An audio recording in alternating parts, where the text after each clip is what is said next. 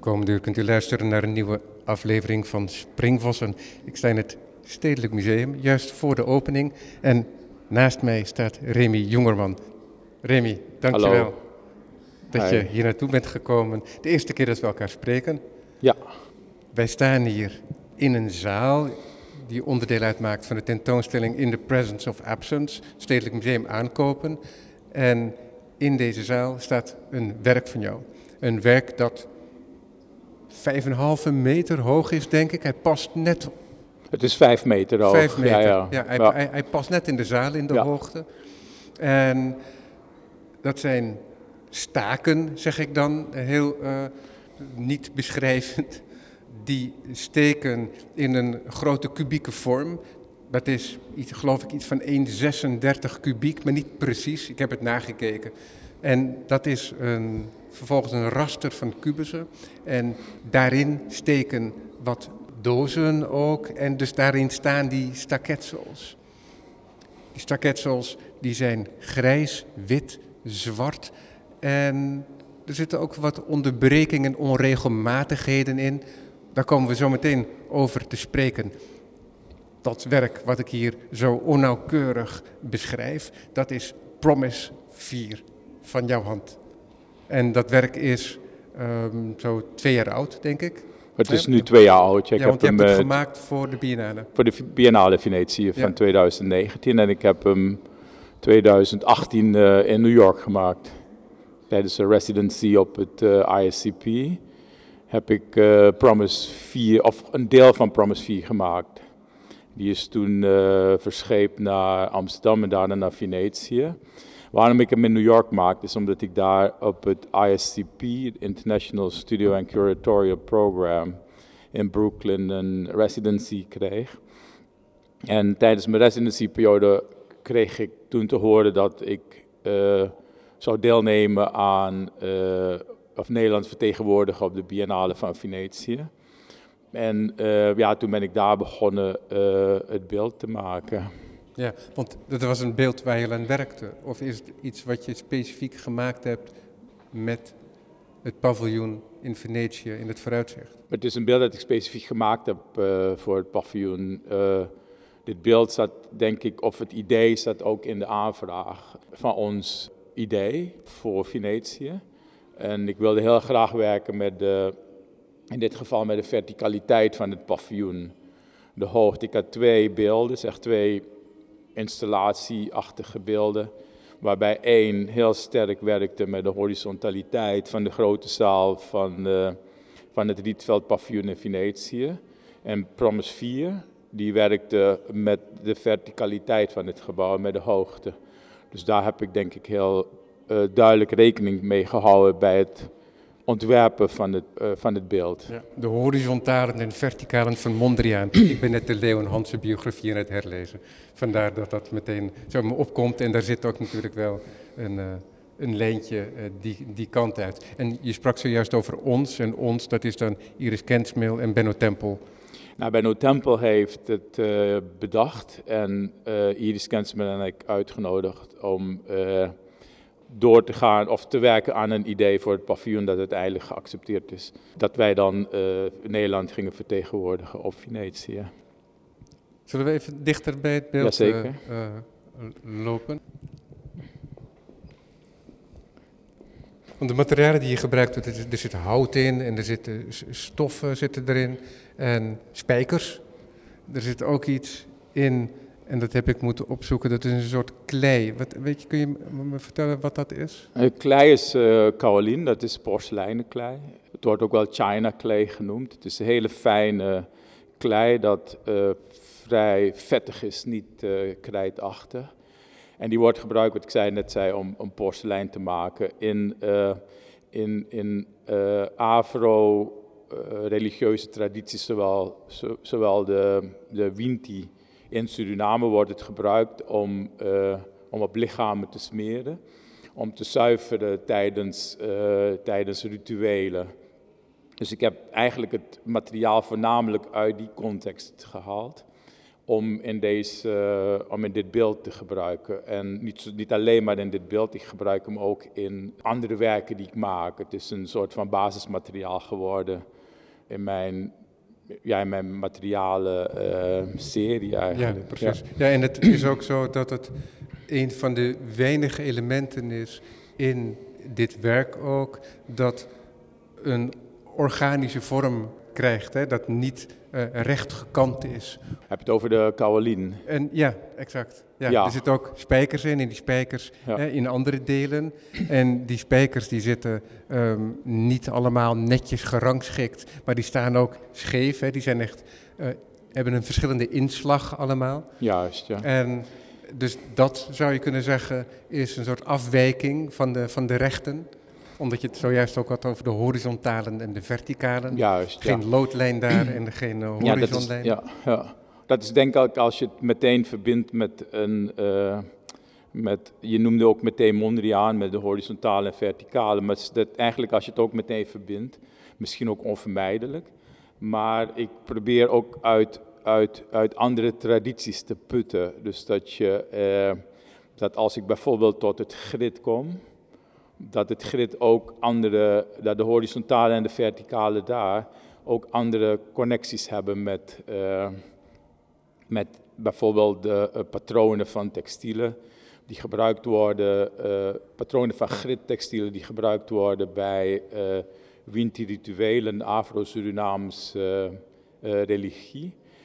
En ik ga, in de meeste gevallen ga ik daarvan uit, ik ga uit van die grids van de textielen. Ja. De grids van de textielen die hebben, um, het zijn verschillende kleurencombinaties van de textielen. Je hebt bijvoorbeeld geel, zwart, uh, rood, wit, uh, wit, blauw.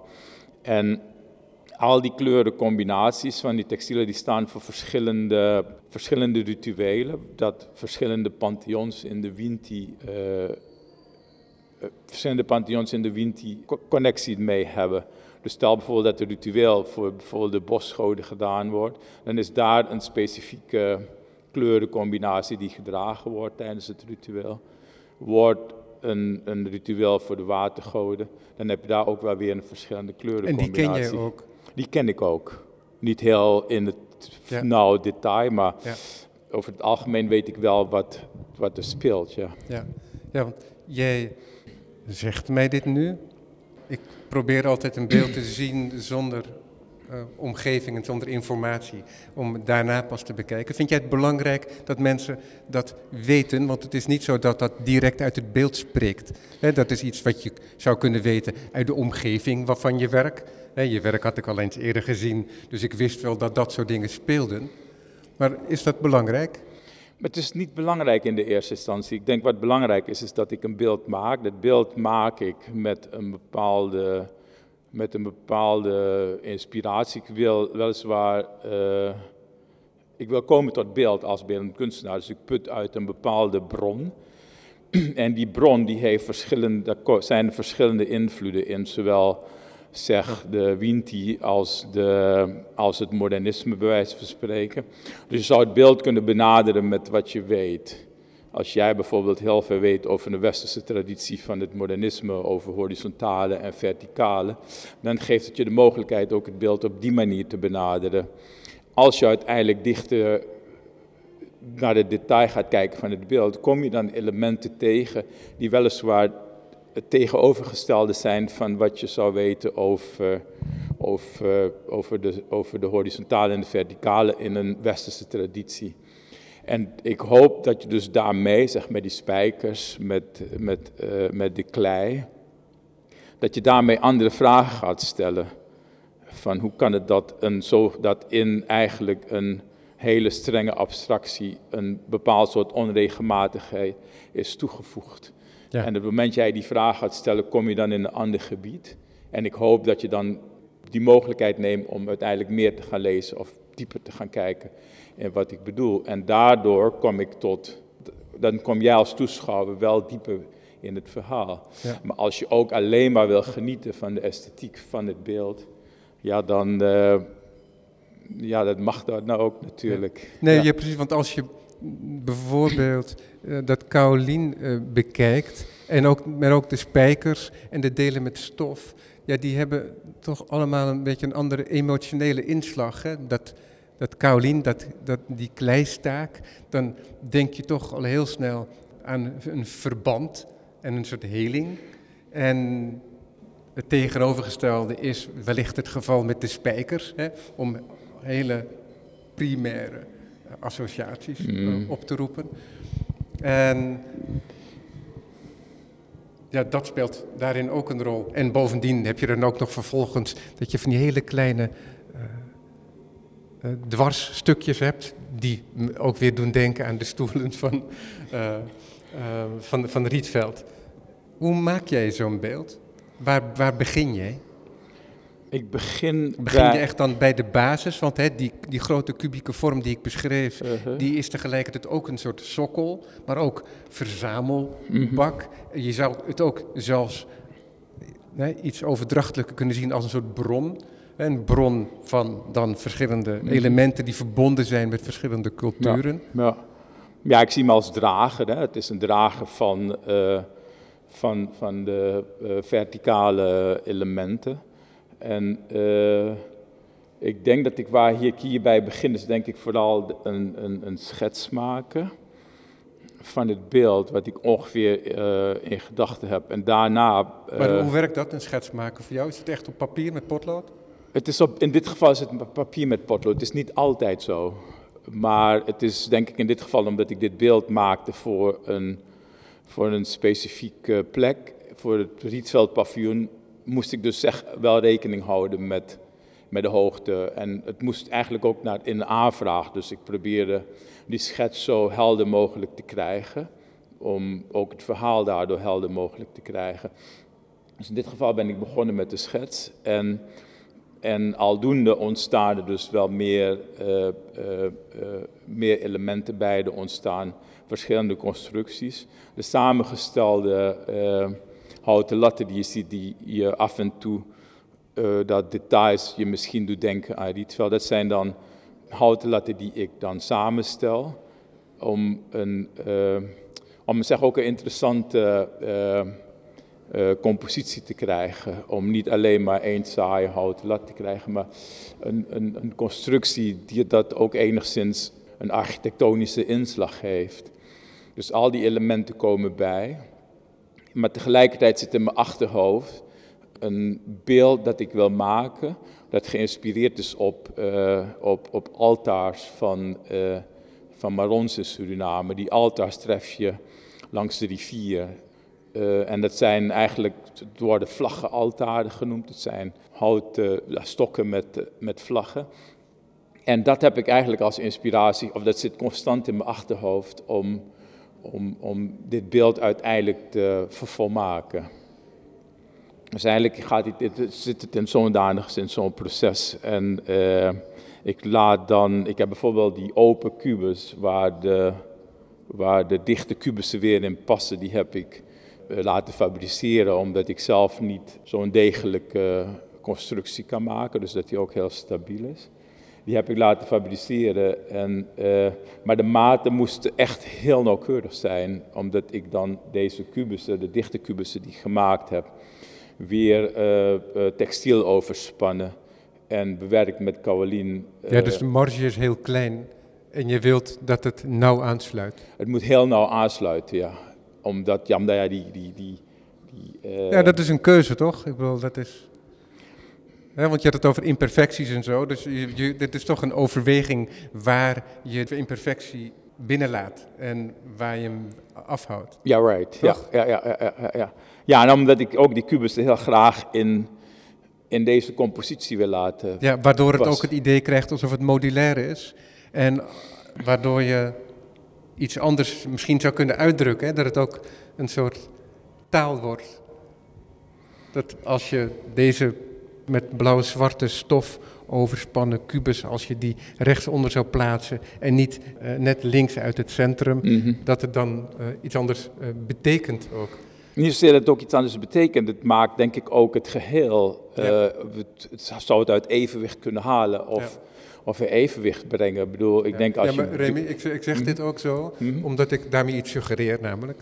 En dat is, wat ik daarmee wil suggereren, is dat het die indruk geeft alsof er hier een soort taal wordt gesproken die je als kijker niet bekend is en waardoor je gedwongen wordt te kijken en er zelf, en er zelf wat van te maken.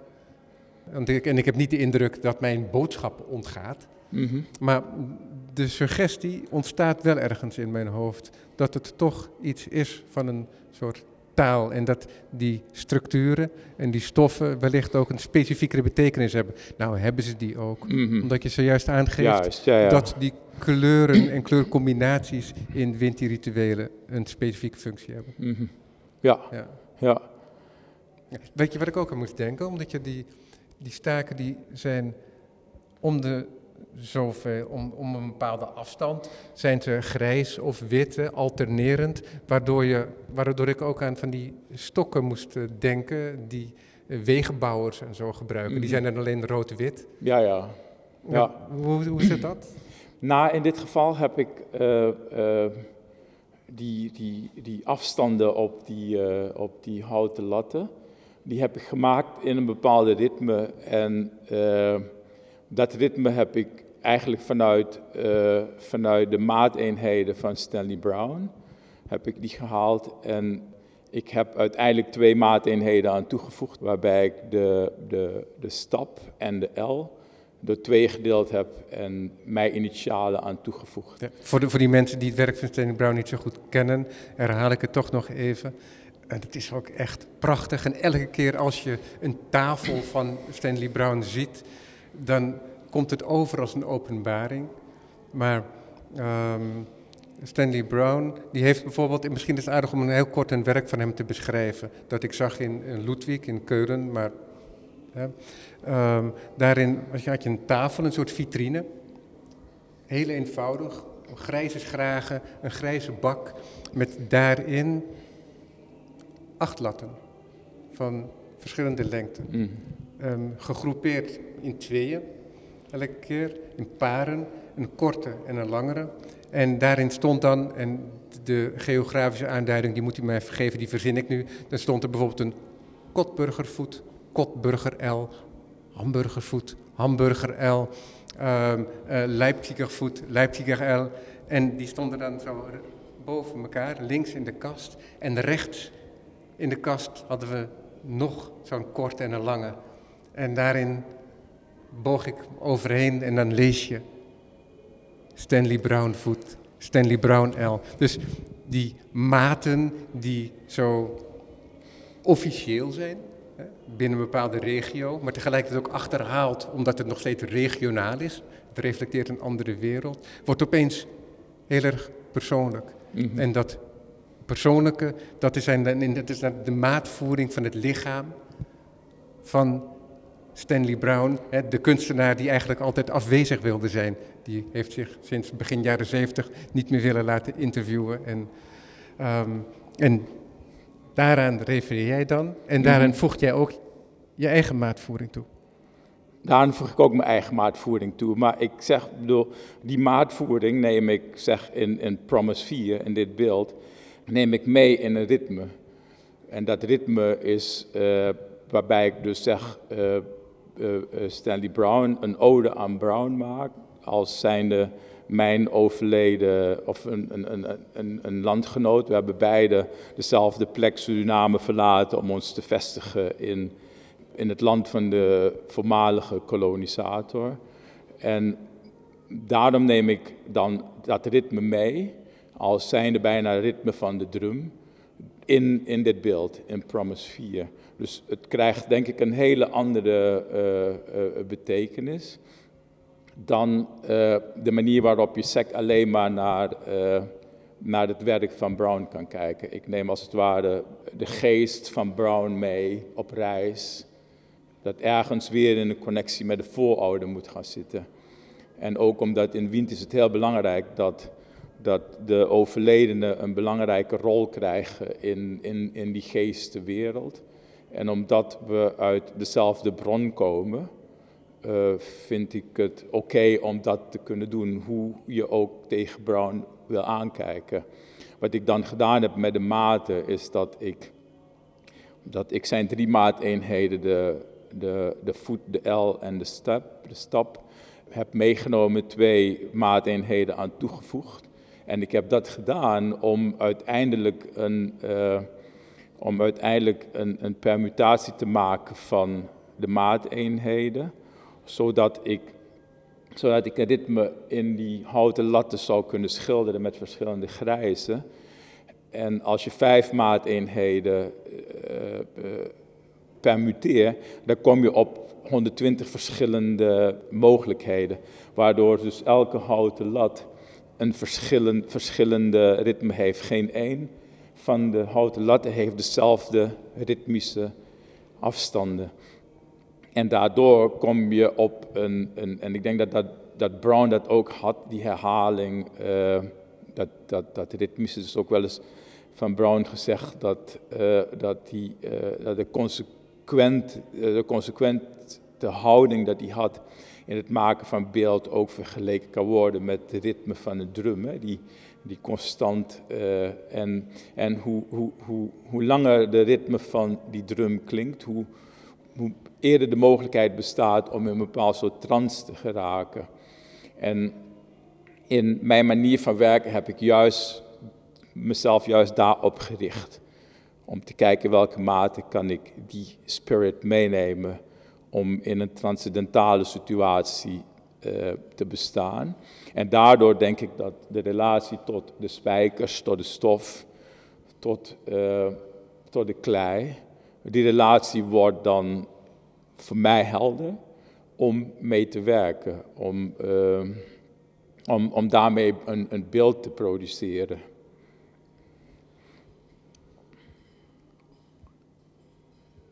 Er is nu veel langsgekomen in wat je, in wat je hebt gezegd, hè? want je hebt al jouw, jouw relatie met Stanley Brown, toch een van de grote Nederlandse kunstenaars. En hoe jij naar hem kijkt en probeert van hem te leren op een bepaalde manier in je eigen praktijk. Hè? En um, je hebt het, dit beeld, heb je ook een ode aan Stanley Brown genoemd. Dus daar bestaat geen twijfel over. Um, Stanley Brown, die is een kunstenaar en jij bent een kunstenaar op zich. Uh, het is interessant om zijn werk in het licht van jouw kunst ook te zien vervolgens. Een andere generatie en ook überhaupt gewoon een andere uh, kunstpraktijk en de mogelijkheden die erin zitten. En datgene, um, ja, hoeveel, hoeveel variatie er mogelijk is ook. En dan is het bij jou zo dat je heel duidelijk ook die tradities, die Afrikaanse tradities, die een plek hebben gevonden uiteindelijk eh, in Suriname. En je zei net al ook al heel bewust, van ja, we zijn alle twee, Brown en ik ook, um, uiteindelijk neergestreken het land van de kolonisator om onze kunst te maken. En dat, ik, weet, ik heb Brown niet gekend, ik weet niet of hij dat zo gezegd zou hebben, maar dat tekent wel jouw positie, hè, die ook heel ja. terecht is. Ja. En um, is dat altijd een um, positie geweest die je in hebt genomen? Heeft dat altijd een rol gespeeld in je werk? Heb je er altijd uitdrukking aan kunnen geven? Ik heb, nou, die positie heb ik niet altijd ingenomen in mijn werk. Ik denk dat het is, denk ik zo dat als je je positie als beeldend kunstenaar wordt, denk ik vaak bepaald van hoe, hoe, hoe, hoe uh, als je in het land van de uh, kolonisator uiteindelijk terechtkomt. Je komt ook terug, je komt hier naartoe ook zijnde met een Nederlandse identiteit, omdat het altijd zo geweest is, ook in de kolonie heb je altijd de Nederlandse nationaliteit gehad. De taal ook? De taal ook, de Nederlandse taal. Maar ik denk dat je in, in het land, in dit, of in Nederland, heb je dat je niet altijd uh, het gevoel hebt dat je, dat je er helemaal deel van ben. En ik denk dat ik een hele periode gewerkt en gedacht heb dat ik 100% helemaal deel van ben. Totdat je uiteindelijk in een situatie komt waarbij je toch merkt dat je, dat je, dat je, niet, dat je niet doorgaat. Er is een soort barrière die je telkens moet, uh, moet overbruggen. En uiteindelijk, uh, dat werk dat ik toen maakte, Dat had heel veel te maken met communicatie en miscommunicatie. Uh, Stedelijk heeft een van mijn werken toen in 1997 uh, aangekocht.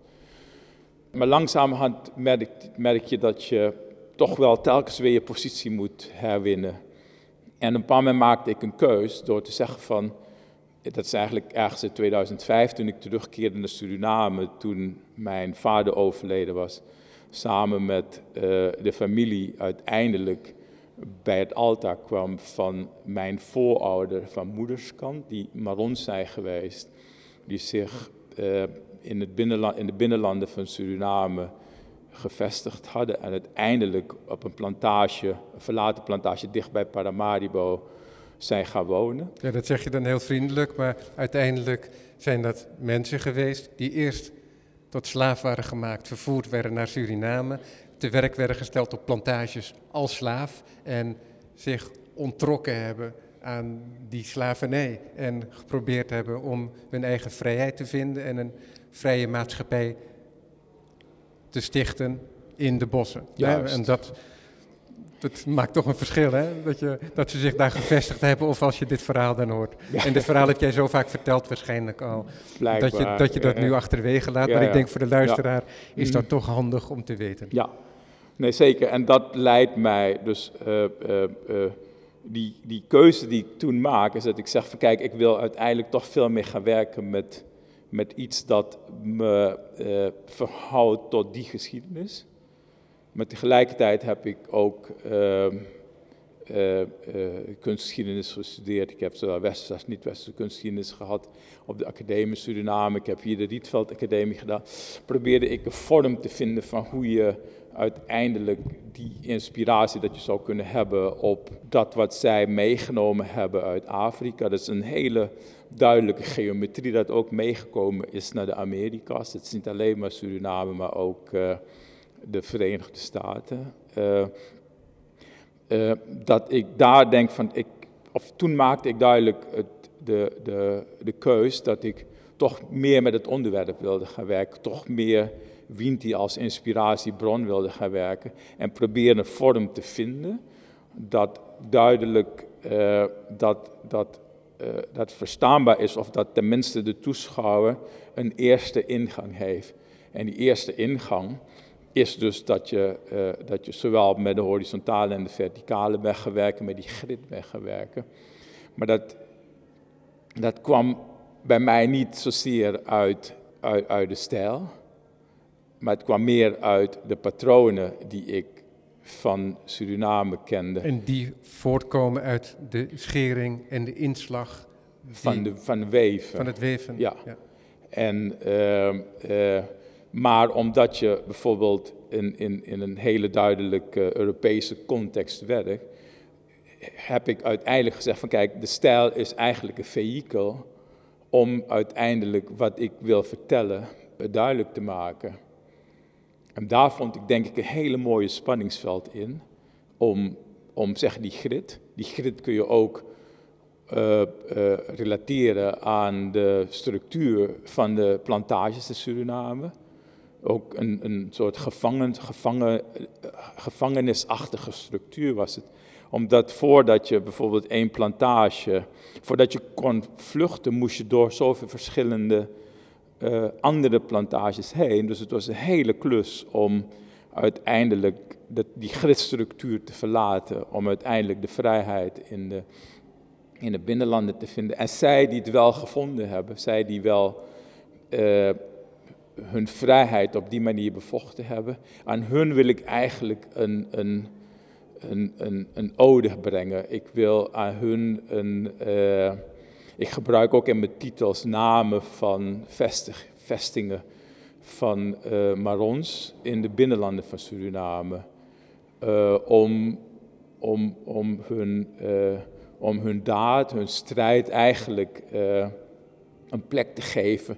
Om de klank van, van woorden, de klank van, de klank van namen van dorpen, de klank van namen van Winti van uh, rituelen, van kruiden, van geneeswijzes. Probeerde ik, die titels geef ik aan mijn werk. om daardoor die connectie te maken. Was het misschien ook zo aanvankelijk dat het zo vanzelfsprekend was voor jou? Die omgeving, die culturele omgeving waar je uitkomt. Hè? En ook binnen Suriname zijn mensen, denk ik, zich heel erg bewust, wat ik van vrienden altijd begrepen heb, uh, waar ze vandaan komen. Hè? Of ze inderdaad uit de bossen komen, of dat ze dat niet zijn. En, en ook al is Suriname tegelijkertijd ook een enorme smeltkroes, um, zijn er toch dat soort duidelijk afgebakende identiteiten. En jij bent daarin opgegroeid. Mhm. En dus dat was een soort natuurlijke situatie voor jou. Dus als je dan in Nederland komt, dan kan ik me ook voorstellen inderdaad dat je dat, dat niet de behoefte hebt om dat uit te drukken, omdat het al zo gewoon is. Juist. Je, kan, die zou ook heel gemakkelijk het tegendeel kunnen beweren, wellicht. Maar ik ken de jonge Remy Jongerman niet, dus ik weet niet hoe dat is gegaan. Mhm. Hoe ging jij, maakte jij je eerste stappen in de kunst? Ehm, mijn eerste stap in de kunst maakte ik toen ik... Uh, ik ben niet in Paramaribo geboren, ik ben in het oosten van Suriname geboren. In Mongo, een boxjestadje uh, uh, in, in het oosten van Suriname. En daar, mijn pa die werkte, vond daar werk. Mijn moeder die vanuit Paramaribo ook naar Mongo ging om daar werk te vinden. Zij ontmoeten elkaar. Je moet een, een, een witte man en een zwarte vrouw die elkaar ontmoeten. Ik ben in Mongo geboren. En ik denk dat ik als kind altijd een hele, nou, vrij creatief was, veel tekenen, veel dingetjes doen. Maar omdat we hadden geen uh, omgeving waar, uh, waar je bijvoorbeeld naar de academie of naar een tekenschool kon. Um, ik, en denk op negenjarige leeftijd zag ik een, een, een aantal beelden, mooie gepolijste beelden uit Mahoney van mensfiguren, van uh, Baron. En uh, ik vond die beelden zo geweldig dat ik dacht van wauw, dit is, als een mens dit kan maken, dan wil ik het ook. Ik vond bijna dat dat het niet mogelijk was dat iemand dat deed.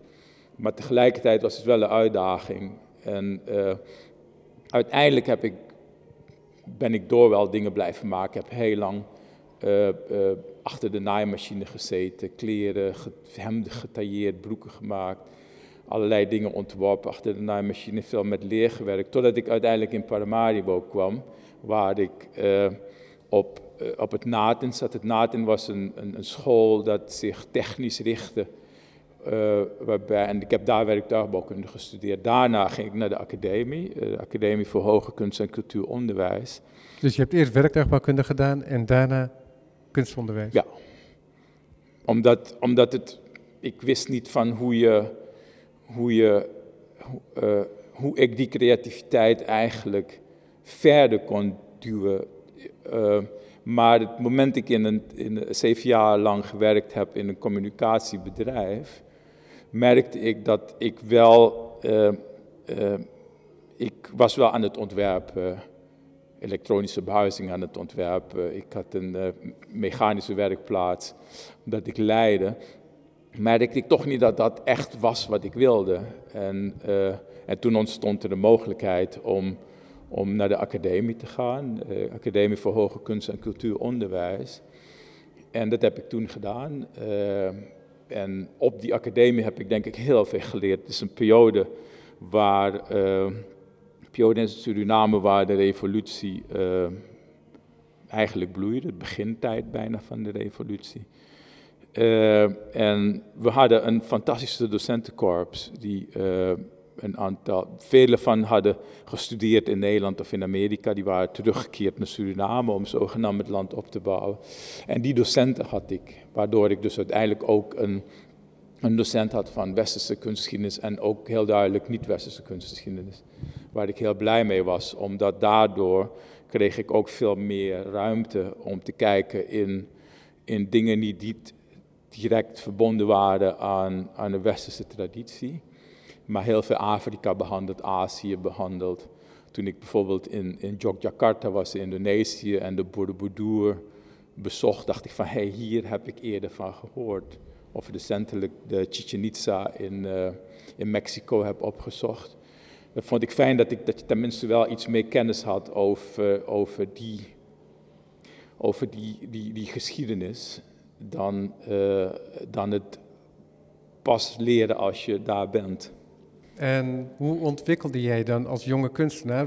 Deed je dat dan met gebruikmaking van je culturele achtergrond of juist niet?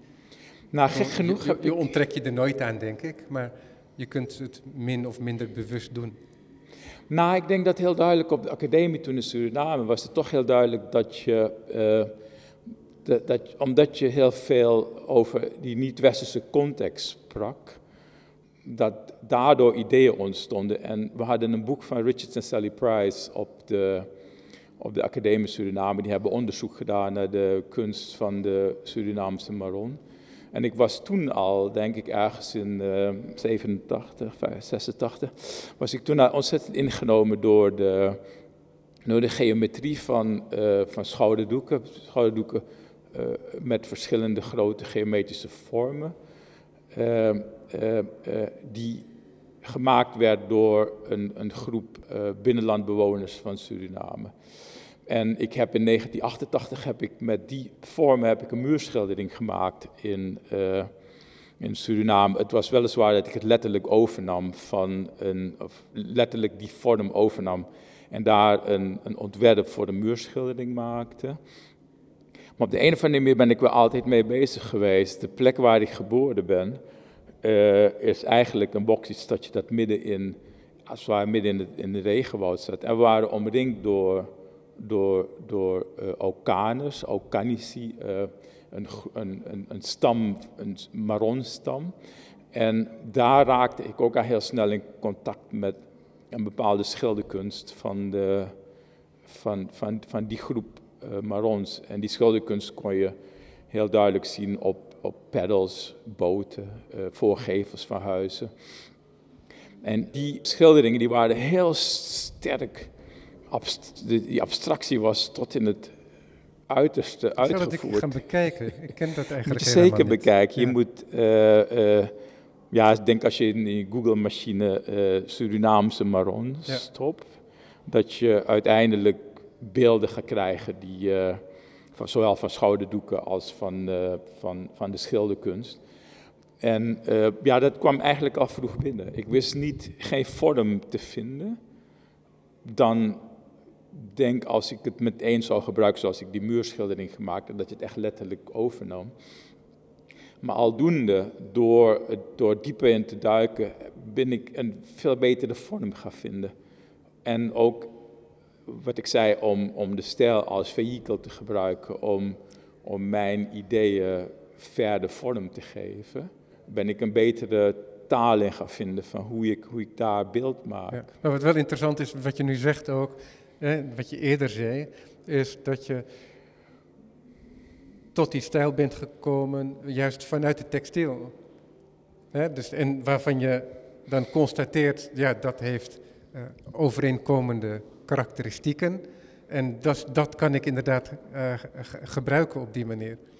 En waardoor je ja, de modernistische, onder de modernistische vormen uh, kiest eigenlijk vanuit de kunstwereld. En in die kunstwereld, die zou je kunnen zeggen opgebouwd is, dat het een concept is, hè, die vorm van kunst, die eigenlijk ook, ook het concept is van de kolonisator. Toch? Ja. Ja, maar ik bedoel, ik... ik nee, nee, ja, maar dat is, nee, maar dat is, er zit, mm. want het lijkt net altijd alsof het ja. allemaal zo, heel, zo duidelijk afgescheiden is. Mm -hmm. Maar dat soort dingen spelen uiteindelijk in diepere ja. structuren, denk ik, ook wel een rol. Ja, er zijn zeker heel veel overlappingen. Ik zal ook niet... Uh, ik, uh, ja, ik ben, er zijn heel veel overlappingen. Ja, ik ben denk ik door heel veel verschillende vormen beïnvloed. Ik denk zelfs ook toen ik in Suriname was, door op de academie zowel een hele duidelijke westerse als niet-westerse uh, kunstgeschiedenis te krijgen, ja. was je al heel duidelijk beïnvloed. Je wist ook al heel duidelijk dat, dat, dat er ergens een, een, een verband gebracht zou kunnen worden met, met, met, met, met, uh, met de ontwikkeling van de abstractie in die westerse context en de ontwikkeling of een abstract beeld in een niet-westerse context. En daar was Maar- ik al heel vroeg. Ja, maar om, dan onderbreek ik je nu heel bot. Maar als ik het naar je beeld breng, en, en daarin komen inderdaad wel wat spanningen eh, los dan waar ik op probeer te wijzen, is als je naar dit beeld kijkt, dan zou je denken dat het westerse element het rechtgekante element is in de kubus. En het niet-westerse element, dat is het ongereden. Het ongereden van het gekneden klei en de kriskras ingezette spijkers. Maar dat is Ja. niet zo. Nou, er is, niet meer, er is uiteindelijk niet meer sprake van een westerse en een niet-westerse eh, context. Ik denk ook de manier waarop onze samenleving zich verder zich uiteindelijk ontwikkelt, ontstaat er een, een nieuwe vorm. En die nieuwe vorm is niet noodzakelijkerwijs te relateren aan een westerse of aan een niet-westerse vorm. Wij hebben de neiging, weliswaar, om alles wel vanuit die vorm te vertalen. Dus dat, juist het, dat, jij, dat wij die vertaling proberen te maken van wat wij weten, dat eigenlijk helemaal niet slecht is of zo. Ja. Maar ik wil wel tot een eh, besef komen dat, dat invloeden heen en weer gaan. Ja, dat kijk, je, ja, want in de vroege 20e eeuw, grofweg, was het mode om het exotische, hè, vanuit westers perspectief, om het exotische binnen te halen. Dat heeft onder andere geleid tot Les Demoiselles d'Avignon, prachtig schilderij. En dat is eigenlijk niet zo heel erg veranderd. En er kwamen wel mensen uit de voormalige koloniën en misschien ook uit niet gekoloniseerde gebieden. Die kwamen ook de kunstwereld in en die ook kunst maakten. Maar het bleef toch altijd een beetje alsof het vreemde werd geïntroduceerd in een lichaam dat wij kenden. En dat het lichaam, dat was dan kunst. En dat was dan tegelijkertijd ook het onbekende, omdat het elke keer anders moest in die 20e eeuw. En eh, nu is het zo, hè, en met Remy Jongerman bijvoorbeeld, die ook zijn identiteit, hè, dat modewoord wat nu zo'n rol speelt, die zijn identiteit introduceert in de kunst, zijn achtergrond en ook een, een, een complexere culturele achtergrond, die niet alleen maar alleen dit is of dat, introduceert in die kunst. En, en dat zie je ook in de ruimere mate om ons heen. En daarin zie je dat die visie op die kunst langsbrand verandert, maar ook van binnenuit. Mhm. Dit is wat er hier ook gebeurt in zo'n beeld. Juist, ja, ja, ja. Ja, ik denk dat de mogelijkheid om uiteindelijk andere, andere verhalen te vertellen, andere toenaderingen te hebben, dat geeft, denk ik, de mogelijk, geeft dit beeld die mogelijkheid.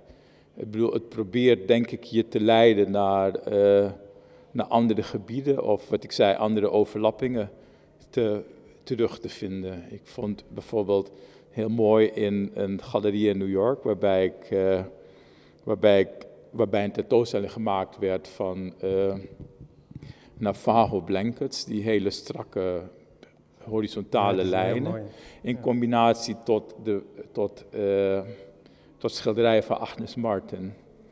Maar, eh, eh, en eh, ik vond het heel fijn, heel gedurfd, om die dingen uiteindelijk naast elkaar te zetten, om, om niet meer de zogenaamde, wat je zei, dat exotische, los te trekken en het alleen maar op zichzelf te zien. Tegelijkertijd zie je dat, dat die vormen wel overeenkomsten hebben. En omdat, kijk, vroeger is het daadwerkelijk geplaatst als zijnde bijvoorbeeld die abstractie van de, van de West-Afrikaanse eh, geboven kinte. Eh, dat was weliswaar een vorm dat gebruikt werd als gebruiksvoorwerp. Maar tegelijkertijd had het ook een hele hoge, hoge, eh, hoge creatieve, creativiteit om, om, om, om verschillende weefsels te maken. Dus je kunt dat ook in een hoge vorm van kunst plaatsen. Dat is weliswaar nooit op die manier eh, in die landen gebeurt. Ook omdat, omdat, omdat het vanuit de andere bron, eh, vanuit de andere bron put, putten. Maar tegelijkertijd zijn er overeenkomsten. En, en ik denk dat ik dat ik daarin juist heel duidelijk probeer, uh, probeer te zoeken. Dus dat je dingen kan herleiden naar totaal andere gebieden dan alleen maar de gebieden die wij kennen. Is dat moeilijk om dat binnen de perken te houden? Om dat te kunnen concentreren in een beeld? Jazeker, omdat ik denk dat een, een, een, beeld ontstaat in, in, in, in het atelier. En uh, daar kun je denk ik een hele duidelijke concentratie houden op, op één vorm, één richting. En dit als resultaat hebben.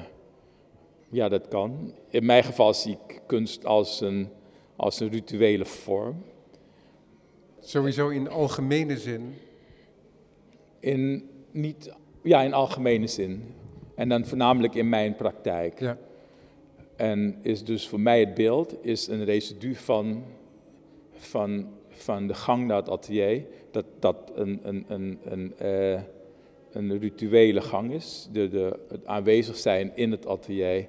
Telkens alleen uh, in relatie staan tot het materiaal. Het materiaal dat, dat heel duidelijk uh, uit een traditie komt niet alle materiaal, maar heel veel materiaal, vooral de textielen. De klei die uit een bepaalde traditie komen. Om constant in relatie tot dat materiaal te staan, ga je iets aan.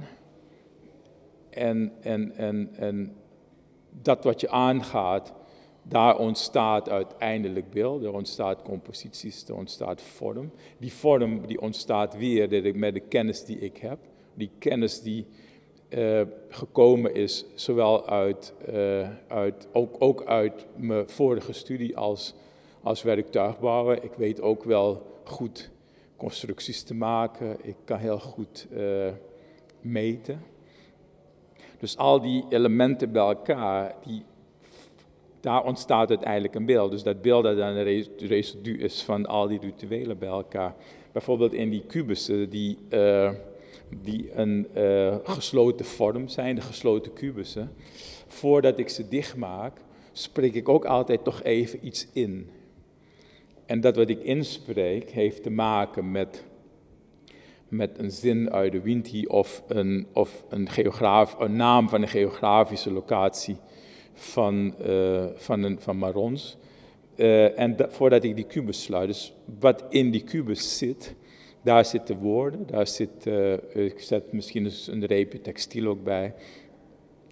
Uh, maar het heeft uiteindelijk ook een inhoud. Dus je zou je ook kunnen afvragen van wat speelt zich af. Je weet nu wel wat zich afspeelt in die niet gesloten kubus.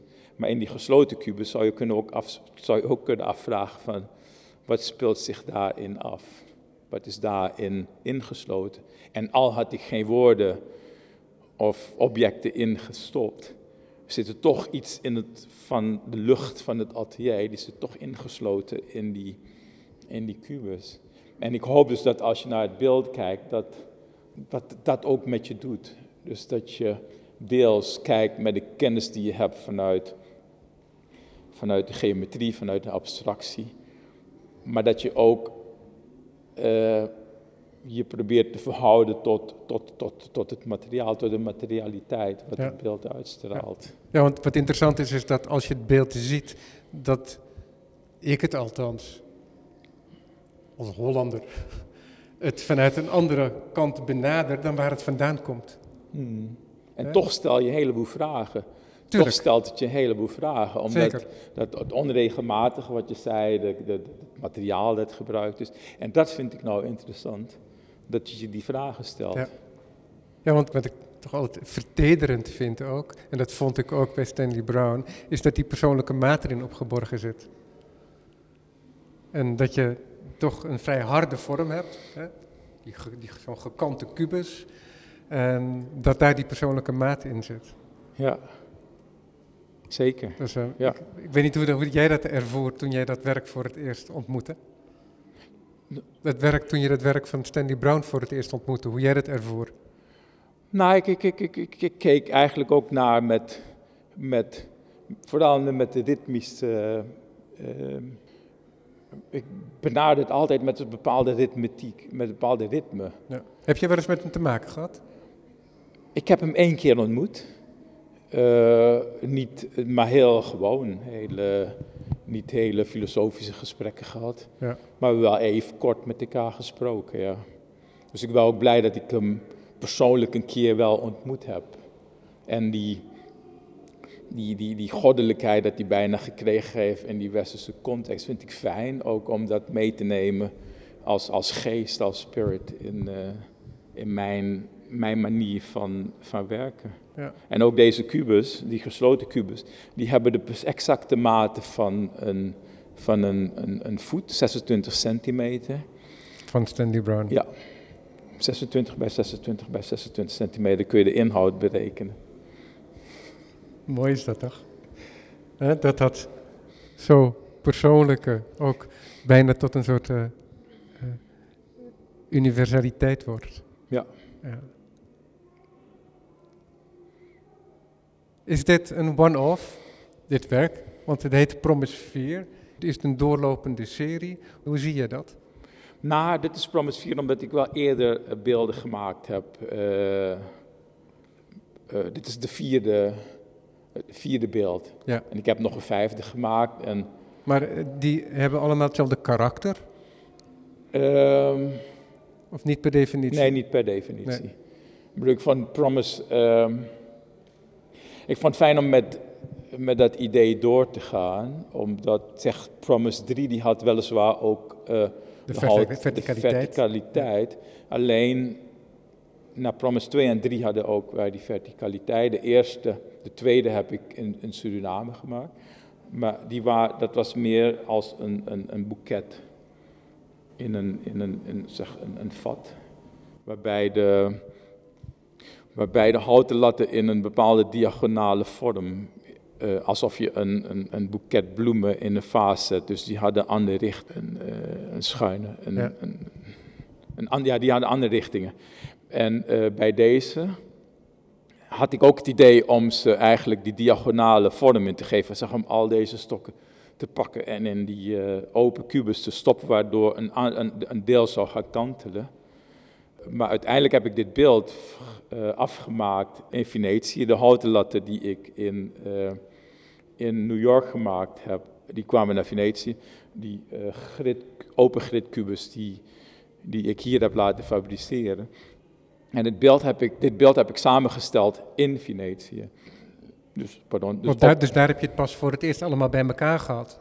Daar heb ik pas voor het eerst bij dus- elkaar dus, gehad. En, dus toen, en, toen, had je als het ware de elementen van, een, van een boeket als het ware, om jouw woord even over te nemen. En toen moest je het dan toch schikken, toen moest, je, moest het beeld toch opgebouwd worden. Juist, ja.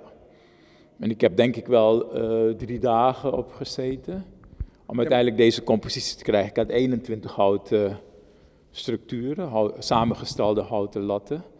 En uh, uiteindelijk heb ik volgens mij 15 gebruikt om zeg, deze ja. uh, compositie te krijgen. Ja, precies, want het is echt een compositie. Hè? Want we hebben het over het grid gehad. En dan zou je kunnen denken dat daaruit leidt dat alles volgens bepaalde regels die geformuleerd zijn, uh, wordt opgebouwd. Maar het is niet zo.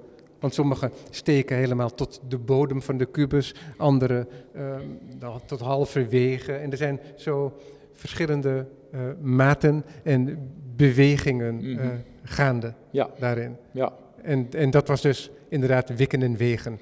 Het was wikken en wegen. En bijvoorbeeld ook die open kubus, die kwam aan als, uh, als een, een, een, kubus met één kleur, alleen maar beschilderd in, in, in antraciet verf. Maar ik wilde, ook, ik wilde hem ook aanraken en ik heb het aangeraakt door, door onvolmaakte kubussen in te schilderen. Dat zijn de witte, de witte lijnen. Ja, sommige, er zijn een aantal ribben oh, um, door de kubus heen, die zijn uh, wit geschilderd. Ja. Inderdaad. En ja. zeg om de industriële vorm als het ware aan te raken, om, om het weer persoonlijk te maken, heb ik uh, suggesties gemaakt van, uh, van kubussen door een aantal latten te schilderen. Het is een beetje vergelijkbaar met de met de samengestelde, de verschillende combinatie kubussen van Solowit. die, eh, die eh, een serie kubussen gemaakt heeft. Ik denk dat waarbij hij ehm, zes vlakken, zes houten die een kubus heeft, in verschillende constructies, verschillende vormen heeft geplaatst, waardoor je een, een, een veelvoud krijgt van, van een soort ritme, van een soort spel van, Van, van, van die ribben. van die ribben, van die kubussen. Ja, en ik heb denk ik, het, heb, ik heb dat ook geprobeerd hierin te gebruiken. Dus dat je, dat je delen schildert, zodat dat een suggestie geeft van een kubus. Het geeft Ja. bijna weer een suggestie van een gesloten We kubus. zijn aan het einde van het gesprek eh, beland. Ik zie uit ook naar een Promis 5 bijvoorbeeld, die ongetwijfeld weer een hele andere vorm zal aannemen. Ik vond dit al een hele mooie kennismaking met jou als persoon, maar ook met dit prachtige beeld. Promis 4 als deel dus van The Presence of Absence in het Stedelijk Museum tot eind januari 2021. Remy, dankjewel. Dankjewel.